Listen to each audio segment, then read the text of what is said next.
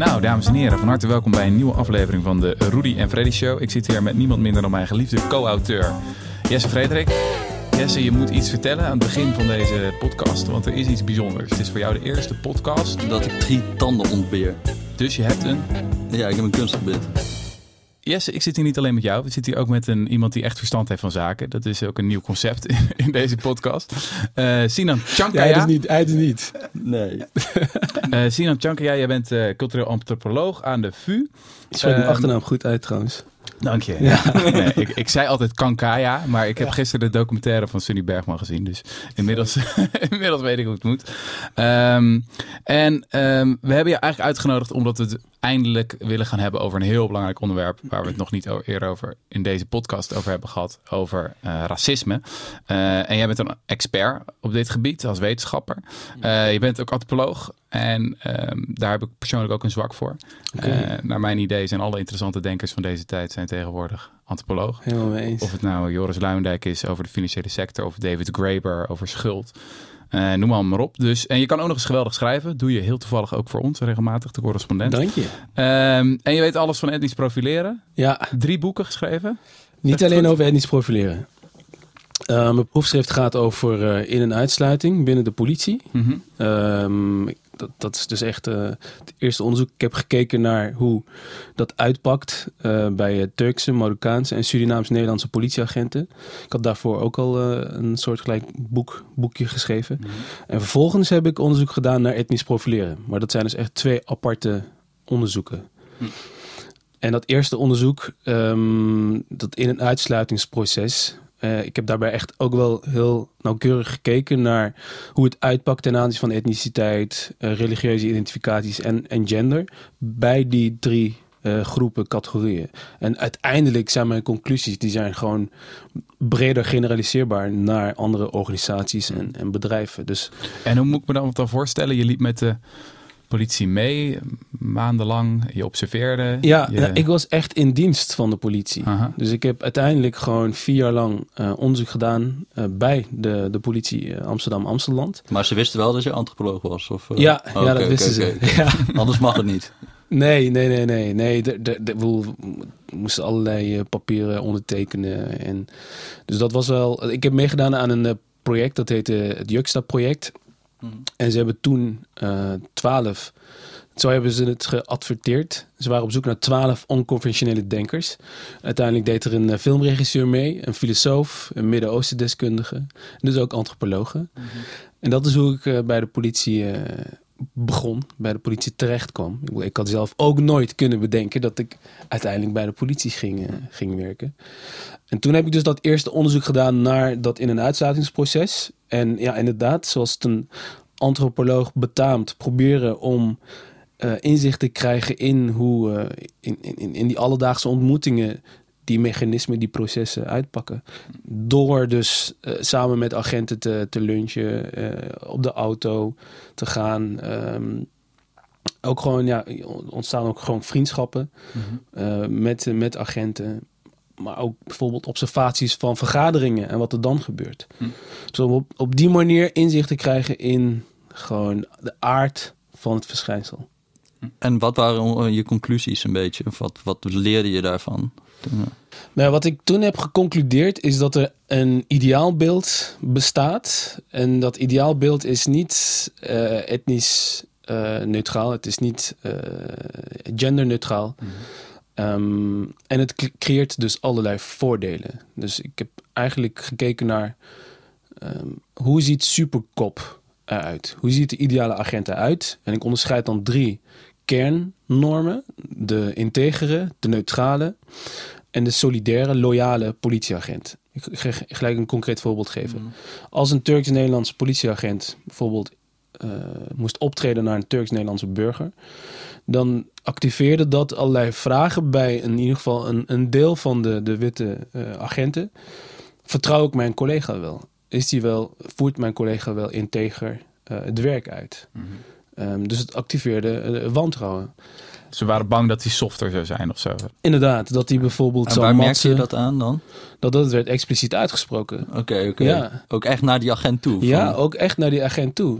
We hebben heel vaak het idee dat het allemaal eh, erf- eh, louter subjectieve ervaringen zouden zijn en, en overinterpretatie. Maar het gaat hier ook gewoon om heel expliciet dat iemand eh, de ander vertelt van ja, ik, ik vertrouw het niet. Mhm. Ehm, eh, en dat dat gewoon wordt uitgesproken. En, en, het, en het idioot. Kijk, om dat nog even af te maken. Diezelfde type vragen. die worden niet getriggerd of geactiveerd. bij het optreden van een witte agent naar witte burgers. Ehm, op het niveau van etniciteit in ieder geval niet. Er kunnen al tal van redenen zijn eh, waarom wel aan de integriteit van eh, ook witte agenten wordt eh, getwijfeld, maar niet op grond van etnische identiteit. Ehm, maar het, was dus ook zo dat ten aanzien van die neutraliteit was de vraag van ja, is, is die agent wel neutraal naar zijn eigen groepen? Ehm, en op het moment dat eh, agenten met een migratieachtergrond elkaar opzochten eh, tijdens de lunch of met elkaar gingen eten in de kantine, dan werd dat weer gezien als een moed, moedwillige vorm van afzondering. En dat grijpt dan weer terug naar dat ideaalbeeld van de solidaire, loyale agent. En dat is dan eigenlijk ook een mythevorming. Een idee van dat iedereen dus in die organisatie gezellig, dat is een Nederlandse woord, Ja, ja, ja. gezellig met elkaar omgaat. ja dus, dus daar moeten we eigenlijk even op, op gaan inzoomen. Ja. Wij hebben normaal altijd heel gezellige podcasts. Ja, Eh, en dit Gaan we wordt- niet doen. Nee, nee. Nee. we zijn altijd gewend een beetje geinen met elkaar en weet ik het allemaal. En ook in het voorbereiden van Ja, deze podcast merkten we van...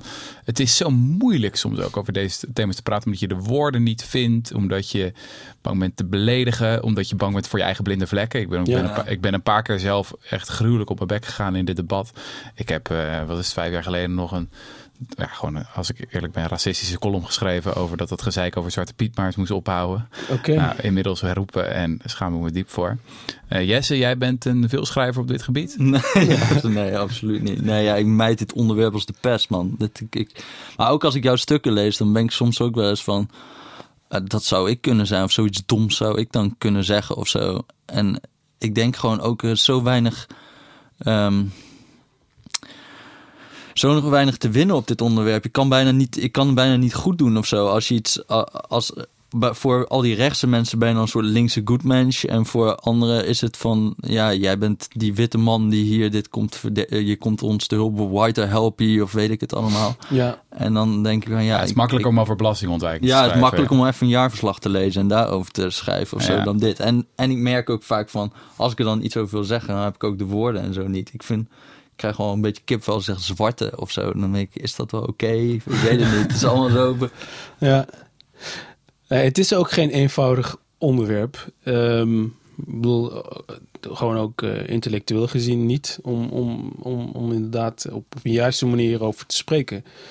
Maar het is natuurlijk voor degene eh, die te maken hebben met vormen van uitsluiting. En ik zeg uitsluiting en dan heb ik het dus niet alleen over racisme. Ik heb het dan ook over hoe eh, ideeën en normen over eh, seksuele voorkeur, gender, eh, religieuze identificaties eh, op een uitsluitende manier kunnen werken.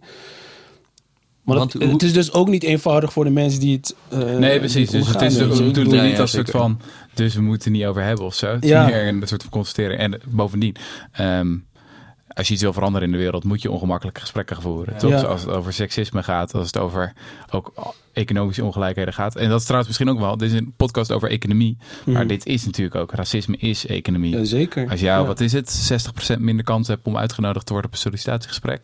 Ja. Eh, als je Mohammed heet in plaats van Mark. Ja, dat is keiharde economie. Mhm. Eh, er zitten gewoon uitbuiting van, eh, van mensen. Ja. Ehm, ja, je zou het misschien kunnen vergelijken met iemand die depressief is. Dus de lange, lange tijd denk je van, ik wil dat woord niet hardop uitspreken. Want Ja. als, ik het, als ik zeg dat ik het ben, dan is het ook hard, dan is het waar. Heel vaak als je dingen hardop zegt, als je uitspreekt, als je de woorden aangeeft, Ja. dan is het waar. Maar daar zit ook de genezing achter. Dus als je het erkent, weet je wel, alcoholisten ook, die moeten erkennen. En dat is misschien een beetje de, de, de- waar Nederland in zit. Of Ja. waar eh, heel veel witte, bra- eh, succesvolle, weet ik veel wat, mensen met privileges in zitten. Is dat ze bang zijn om het hardop te zeggen. Want als ze het hardop zeggen, dan is het waar en dan moeten ze er iets mee gaan doen, et cetera. En dan de, de eerste reflex is ook, daar zaten we ook in onze, in onze discussie, ehm, is dat je in eerste instantie de tegenstelling ook even lijkt te vergroten. Je, je had altijd de droom van nee, maar ik ben kleurenblind. Ik let er niet op. Dit is Ja. allemaal niet in de orde. En als ik een sollicitatie binnenkrijg, dan, oh, ik kijk gewoon op merites, et cetera. Maar als je het hardop zegt, is het ineens. Ja, Wordt het nog concreter. Ja. Moet je er iets mee doen. En dat is een soort van de, de spagaat waar mensen in zitten. Ik ben het helemaal mee eens dat het gezegd moet worden hoor. Want Ja. dan begint het pas. Alleen dan is er een hele moeilijke weg voor je. maar ik denk, maar dat, ik, kijk, ik denk dat in wat je nu zegt, daarin schuilt natuurlijk al een hele andere ervaringswerkelijkheid. Want dat was er inderdaad daarvoor ook al. Ja. En ik denk een heleboel mensen die het ervaren, ja, die hebben niet de luxe om het er niet over te hebben. Precies, die, die hebben daar gewoon keihard mee te maken. Die worden daarmee geconfronteerd. hoe ervaren die, politieagenten dat bij, eh, in, in jouw onderzoek dan? Hoe ervaren ze dat zelf? Dat, eh, dat zij zeg maar werden geacht te conformeren aan zo'n ideaaltype? Dat, eh, Ja, absoluut. Ik bedoel, kijk, de structurele achtergrond van eh, diversiteit tussen aanhalingstekens bij de politie is dat sinds de jaren 80 de politie, de politie meer diversiteit probeert te werven. Er is sprake van zogeheten eh draaideureffect. Dus dan komen ze binnen en dan verlaten ze de organisatie weer. Dus keer op keer onderzoeken waaruit, waaruit is gebleken dat de organisatiecultuur onvoldoende migranten accommodeert. Eh, waardoor ze dus vertrekken. Racistische grappen, opmerkingen. Dat is gewoon eh, dat is een consistente in het onderzoek naar in- en uitsluiting eh, binnen, de, binnen de politie. Ehm, ja, en, en mensen die hebben dus een lagere arbeidstevredenheid. En die hebben op een gegeven moment zoiets van, ja, ik, ik, ik, ik trek het niet meer.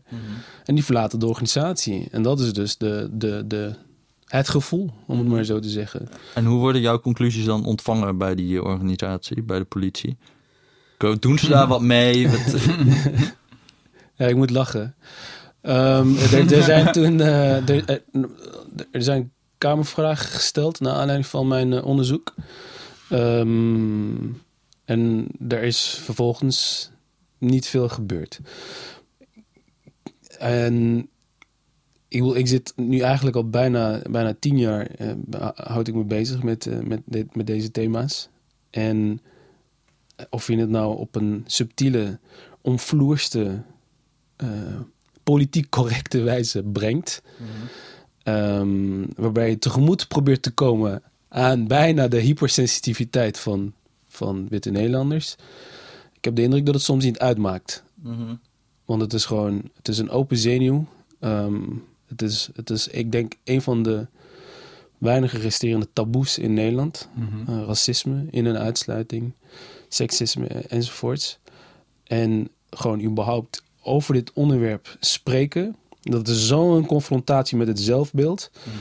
En dat pakt bij de politie dus ook gewoon uit naar, voor, ten aanzien van de functie van de politie. Namelijk, de, het zit in, de, in de, laten we zeggen, het, het instituut dat ze objectief en neutraal moeten zijn. En dan zie je dus dat in de organisatie zelf dat ze eh, zich niet kunnen verhouden tot die, tot die, tot die, tot die normen. En denk je dat het een probleem is dan van de organisatie of dat het eigenlijk niet op te lossen is voor die politie zelf, omdat het probleem veel breder is eigenlijk? Dus stel dat jij nu het voor het zeggen kreeg bij de politie, zou je dan iets kunnen verzinnen om deze problemen te verminderen? Of is het eigenlijk eh, veel meer een maatschappelijk ding en dat kan zo'n politie daar niet zoveel aan doen? Ja, ik denk dat het dan beter is om het voorbeeld van etnisch profileren te gebruiken. Ja. Het is inderdaad de, de fout om ehm, een, een, het, het probleem van een structuur, van bredere maatschappelijke problemen, van een context waarin we eh, al, al decennia cultuur en criminaliteit met elkaar verbinden, eh, waarin we eh, criminaliteitsstatistieken produceren, ge- ge- ge- gecodeerd, geordend naar etniciteit, een, een verschuiving van meer preventief naar, naar proactief, repressief politiewerk. Nou, ga zo maar door. Dat is de context waarin die, die agenten, die individuele agenten, moeten optreden. Dus, dus die beslissingen die zijn in zekere zin al voorgestructureerd. En de fout is dan, en, en, en die pakken dus op een bepaalde manier uit eh, ten aanzien van bepaalde groepen. En de fout is dan om de verantwoordelijkheid daarvan inderdaad te deponeren bij de individuele agent. Dat, Mhm. ik bedoel, individuen zijn uiteindelijk niet Maar- direct verantwoordelijk voor structuren. Maar wat zou de laten we- organisatie even, daar kunnen moeten we even volgens mij op inzoomen. Want dat is. Dit is volgens mij wat je nu zegt, is soort van waarom die discussie zo vreselijk ongemakkelijk is. Ja. Dus het is overweldigend statistisch, wetenschappelijk, empirisch bewijs dat institutioneel racisme bestaat, dat elite racisme bestaat, dat white privilege, al die dingen bestaan en ze zijn groot. Het zijn hele reële, wezenlijke fenomenen. Eh, alleen waarom is die discussie zo moeilijk? Omdat het heel snel al gaat over specifieke incidenten. Ja. Weet je wel, jij schrijft een column over ik maakte dit mee in de bus of ik maakte dit mee in de trein Ja. of bij, toen ik bij de discotheek binnenkwam, et cetera.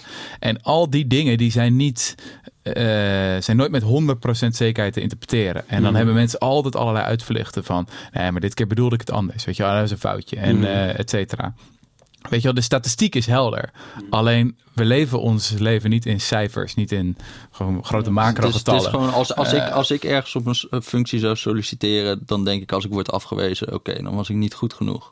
Maar als je met Mohammed heet en je wordt afgewezen, dan zul je nooit echt weten of het was omdat je Mohammed was of omdat het je kwaliteiten waren of zo.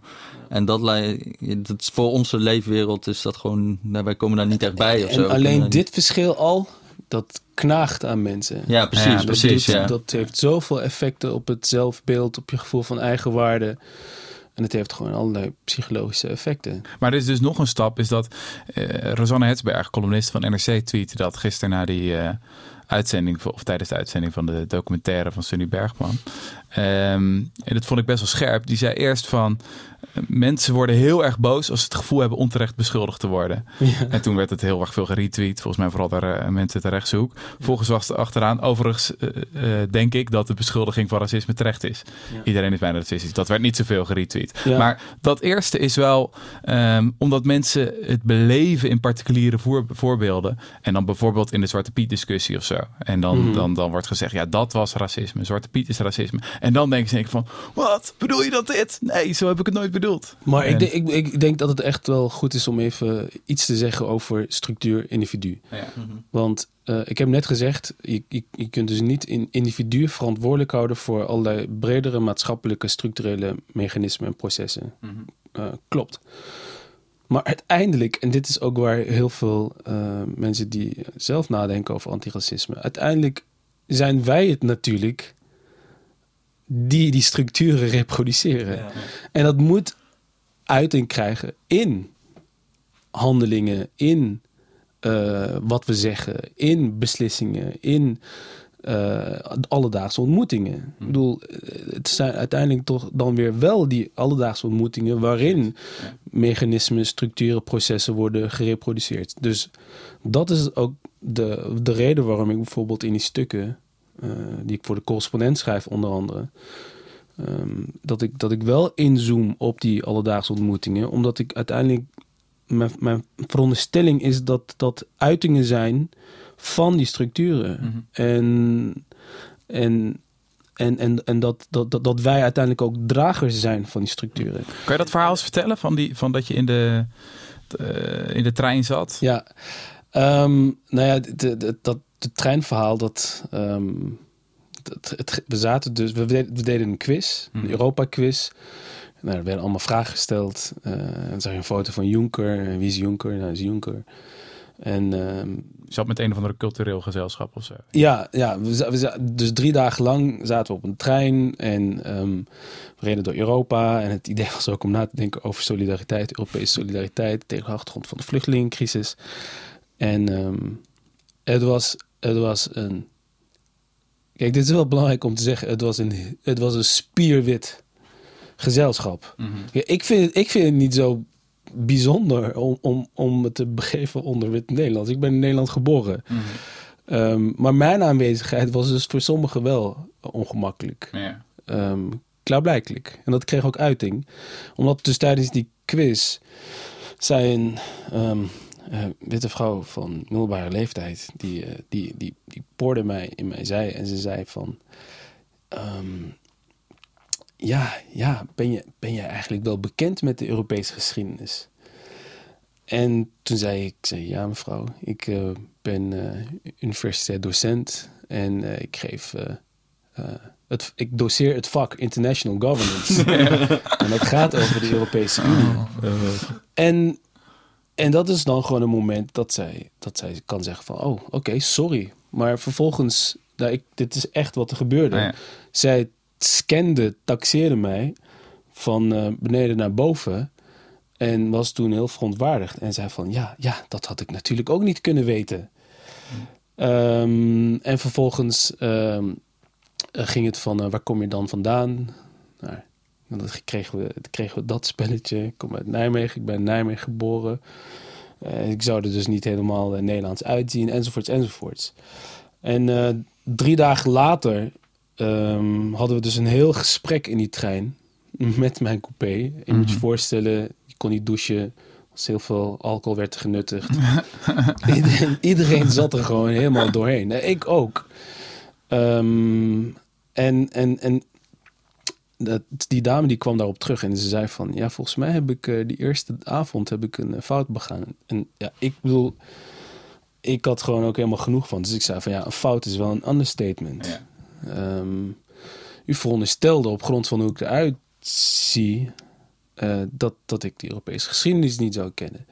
En toen, toen werd zij echt pissig. Eh, ik moest daar niet in een hoekje duwen. Ja, ja. En, eh, Van ik ben al galant geweest dat ik het toe heb gegeven. Nou, Ja, nou moet jij ook. eh, ja, Ja. ja. maar, maar, maar ik, ik bedoel, het, het, ik denk dan van, het kan er gewoon heel eh, eenvoudig afgedaan eh, worden. Ehm nou ja, maar dat is niet helemaal, dat is niet helemaal waar. Ze, ze- ze- het is niet zo dat ze haar fout direct erkende. nee.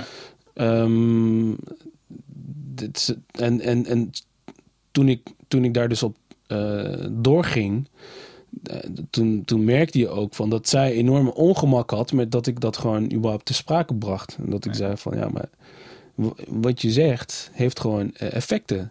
Mhm. En vervolgens ging het daarover. Ja. En het ging over dat ik haar in een hokje zou stoppen. Maar het idee is, is, ik bedoel, dit soort dingen gebeuren iedere dag tienduizenden keren in Nederland. En heel vaak wordt het weggelachen. eh, Tenminste, als het je overkomt. Ja. Eh, eh, en jouw idee van microrevoluties is, is gewoon af en toe het even ongemakkelijk maken in de coupé. Ja, en nee zeggen en even Ja. niet weglachen. ja, Ja. ja, maar ik denk dat dat ook in dat in, eh, structuur-individu debat is dat, is dat dus de uitweg. Dat is Mhm. de escape. Daar Namelijk, begint het. Precies, dus dat je, dat je wel als individu... Kijk, je bent niet verantwoordelijk voor een structuur... maar je hebt wel een manoeuvreerruimte. Je hebt een beperkte invloedssfeer. En dat is dus dat je als individu wel degelijk iets kunt doen. En dat is dus wat ik inderdaad zeg met verstoor de normale gang van zaken. Keer vanzelfsprekendheden binnenste buiten. Eh, en, en zo nodig, wees ongezellig. Ja, En produceer ongemak. Mhm. Ehm, omdat, omdat ik denk dat dat soort breukmomenten iets, iets, iets kunnen produceren, Ja. iets nieuws kunnen creëren. Dat is ook dat hele zwarte piet eigenlijk. Het is gewoon juist dat ongemak of zo, wat je er toch wel heel erg op wijst van, oh, Ja. oh ja, inderdaad, zo heb ik er nog nooit naar gekeken. Wat idioot eigenlijk. ja, Ehm, volgens mij zoomde je net in op eh, iets waar we het vaker over hebben in deze podcast. Namelijk moeten we met de zwarte vlag de beuk erin gooien. Zeg maar eerst een heleboel mensen boos maken. En dat dan het onderwerp in ieder geval op tafel ligt van we moeten het hierover hebben. ja. Of moeten we meer de Martin Luther King benadering, de, de Obama benadering van we're all in this together, kumbaya my lord. Ja. Eh, die sfeer. Ehm, ik denk niet dat eh, Martin Luther King het eens zou zijn met deze Nee, dus omschrijving van zijn nu nog strategie. ziet, dan is wel echt best wel... dat is eh, een eh, verkeerde interpretatie van Martin Luther Nou, dan King. moet ik misschien eerder De Obama, Obama, noemen. ja. Ik bedoel, Obama, Ja. zijn verkiezingsprogramma was, of zijn campagne in, in 2008 en 2012 was, speelde die kaart weinig. Ging Mhm. heel erg over economie, Mhm. over, over eh, makers versus takers, Ja. over de zorg, dat soort, dat soort thema's. Ja, En dat was ook, eh, dus ik ben heel benieuwd wat je daarover denkt. Dat was de analyse van sommige mensen. Dus een, eh, veel gedeeld opiniestuk bijvoorbeeld in de New York Times.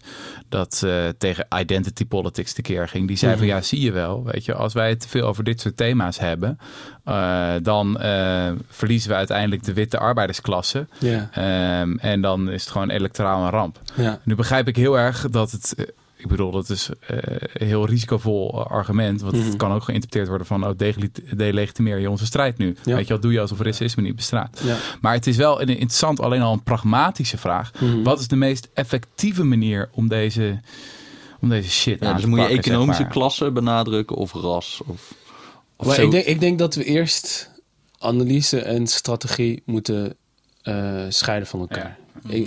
In mijn analyse is het in ieder geval zo dat het kapitalisme is hand in hand gegaan met uitbuiting van menselijke lichaam, van zwarte bruine lichamen en van eh, de, de ecologische uitbuiting. Ik bedoel, dat, dat, dat, dat systeem is eh, mogelijk geweest ook door racisme, door een, eh, eigenschappen te, te vernatuurlijken en, en toe te schrijven aan mensen, wat dus mogelijk maakte dat je ze kon uitbuiten, et cetera, et cetera, et cetera. Dus kolonialisme, slavernij, imperialisme is part and parcel van eh, het, het kapitalisme en, en zo niet het huidige neoliberalisme, waarin dus ook al die ongelijkheden doors, doorsluipen in Noord-Zuid relaties en vervolgens binnen de westerse samenleving in onder- onderscheidingen naar etnische en religieuze eh, minderheidsgroepen.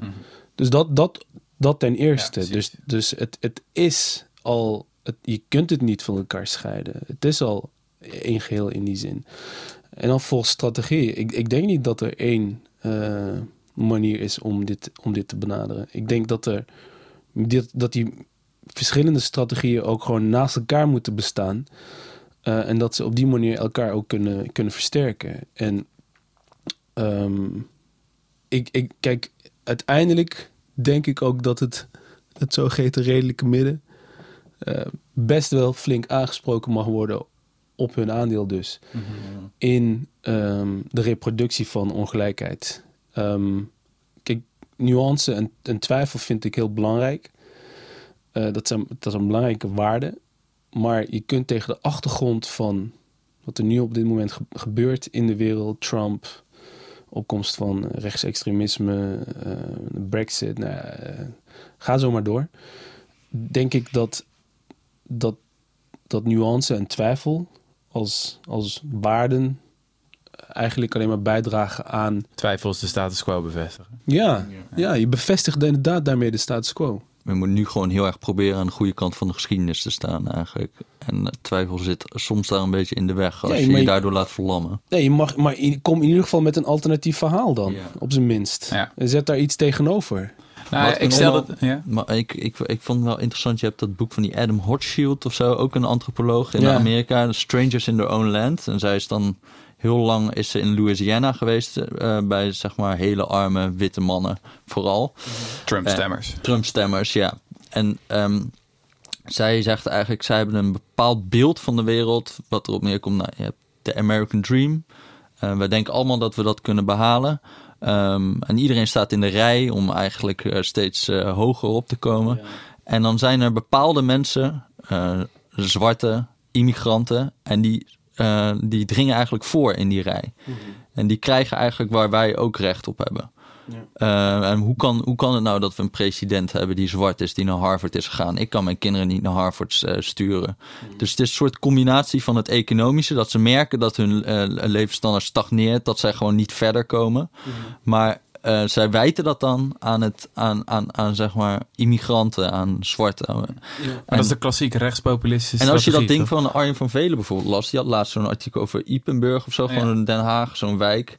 Nou, staat dan stil. En die zijn dan heel boos over dat er vluchtelingen in sociale huurwoningen komen bij hun, terwijl zij al heel lang op zo'n wachtlijst staan bijvoorbeeld. Nou, dat is dan heel erg. Ze, ze hebben geen slecht leven of zo. Het is gewoon het.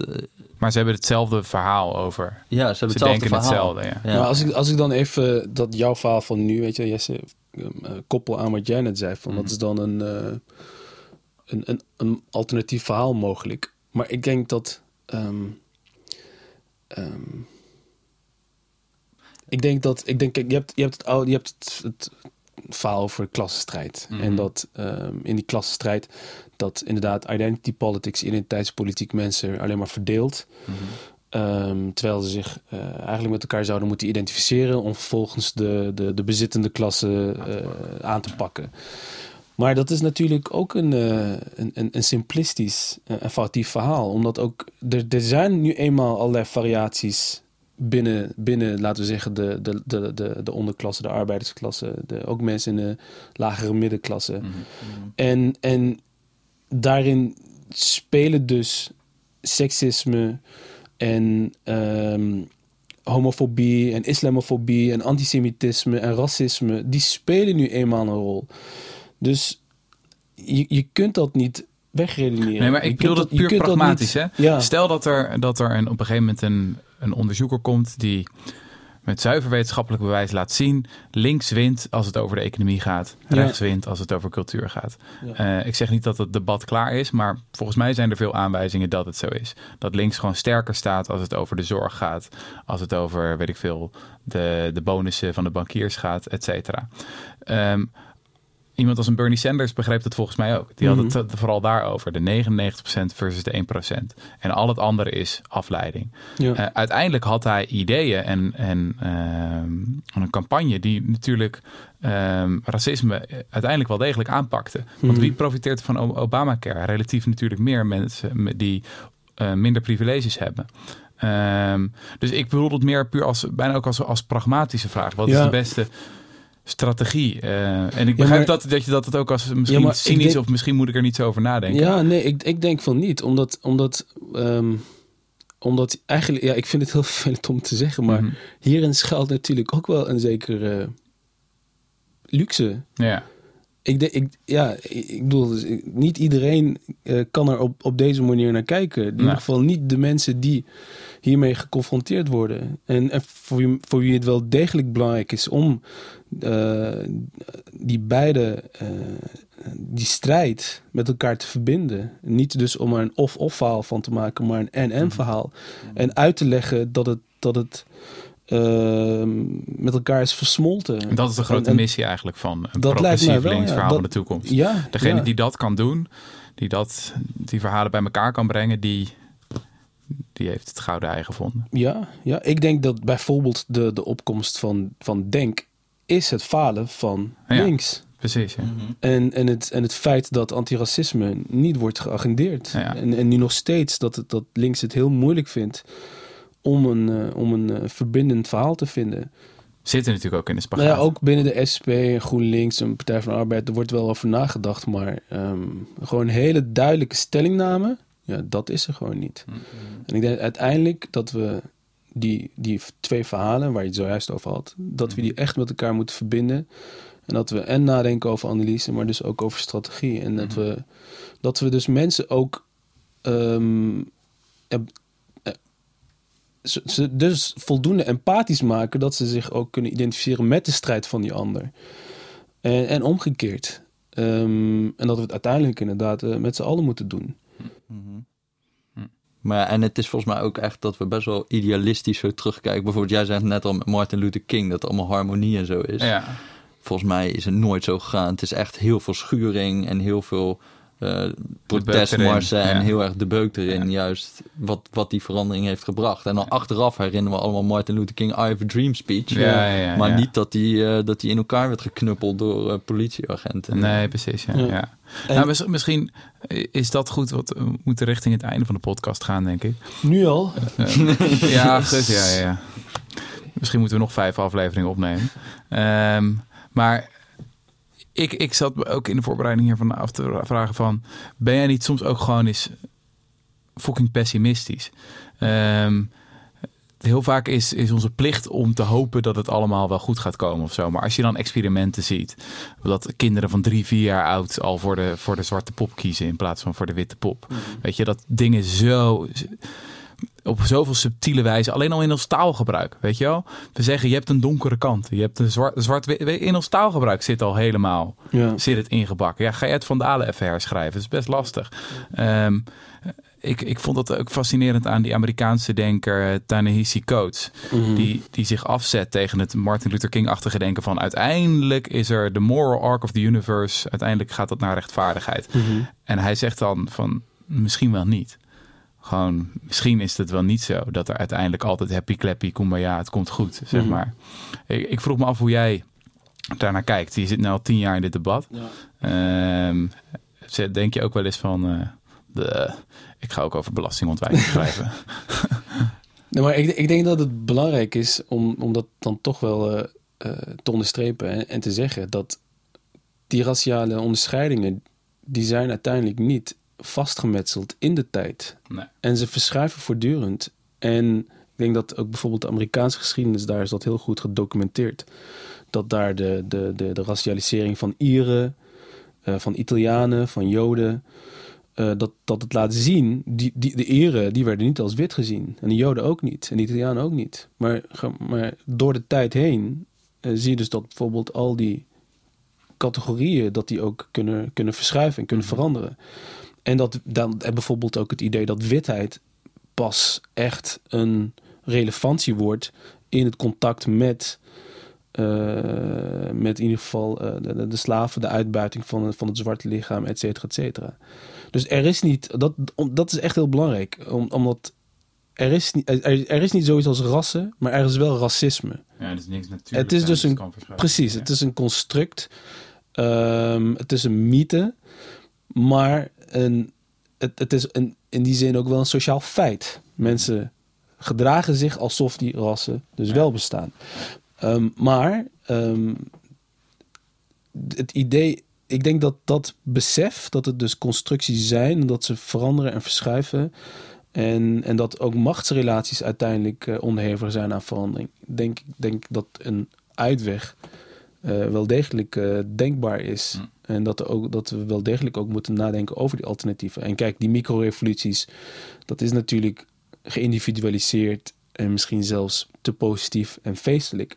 Maar ik denk dat we dus ook als individuen een manoeuvreerruimte hebben, een machtsruimte hebben. Maar ik denk dat we ook zeker moeten nadenken over collectieve actie. Mm. En in- eh, interventies op structureel, eh, institutioneel niveau. Omdat het institutionele, structurele verschijnselen zijn. Ehm, maar ik ben, ik ben wel positief gestemd. Ik, ik, ik denk dus dat, ehm, dat dat besef dat het verandert, eh, dat het niet deterministisch is, ehm, in ieder geval biedt een, biedt een uitweg. En, en, en, en dat we er wel op kunnen ingrijpen. En, het, en het grootste, de grootste fout is inderdaad om te opteren voor kleurenblindheid. Omdat kleurenblindheid en dat idee van ja, we kunnen het er toch beter maar niet over hebben. En het polariseert. En dat is ook het verwijt wat ik voortdurend krijg. En eh, ja, jullie hebben, eh, jullie hebben die eh, onderscheidingen geactiveerd. Maar ze bestaan, ze zijn latent, maar ook manifest Ja. aanwezig in de samenleving. Eh, die, die categorieën die bepalen, beïnvloeden levenskansen. We moeten het er juist over hebben.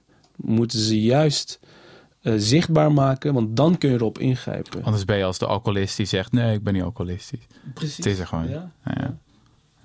Nou, je kan ook wel een optimistisch verhaal vertellen. Ik bedoel, als ik alleen al naar mijn eigen opvatting hierover kijk. Bedoel, de Zwarte Piet beweging is een van de meest succesvolle... eh, Of de anti-Zwarte Piet beweging is een van de meest succesvolle bewegingen in de recente Nederlandse geschiedenis. Het is echt ongelooflijk hoe een relatief kleine groep van zeer geëngageerde, actieve mensen met enorm veel energie eh, RTL Nederland van mening hebben doen eh, veranderen. Ik bedoel, het is toch best wel ongelooflijk hoe, hoe snel dat is gegaan. Eh, en natuurlijk is er enorm veel weerstand of zo. Maar ja, je zou kunnen zeggen als eenmaal de commercie mee is, dat dan de rest wel, want die gaat natuurlijk de propaganda dan uitstorten over. Ja, en het gaat niet alleen over Zwarte Piet, ook etnisch profileren en zo. Ja, er gewoon- zijn wel ik heb veel- wel. Het is wel heel raar, het is een soort dubbele beweging van je hebt de Wilders en Trump en zo, maar tegelijkertijd gebeurt ook wel heel erg veel.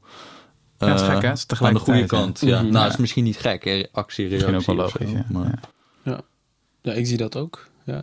Ehm, dames en heren, dit was eh, weer een nieuwe aflevering van de Rudy en Freddy Show. Ik vond het een groot genoegen. Sinan, dank voor je komst. ja, dankjewel voor de uitnodiging. Ehm, heel graag gedaan. Luister ook naar onze andere podcast, dames en heren. Wij hebben bijvoorbeeld in de aanbieding een podcast van Romané Rodriguez. Die maakt trouwens ook onze podcast. En zij maakt met Johannes Visser in een bijrolletje. Ja, maakt, Johannes eh, Visser, maar die ja. doet niet zoveel. Nee, die doet niet zoveel daaraan. Ze monteert al die kiddo's aan elkaar. Het is echt een gekke podcast. Heet En Nu Luisteren. En we hebben natuurlijk onze Lex Bolmeijer met zijn fantastische interviews altijd. Abonneer je ook daarop. Ehm, wat moet ik nog meer zeggen, Fredericks? Ik denk dat je uitgepromoot bent. Ja, ben ik uitgekomen?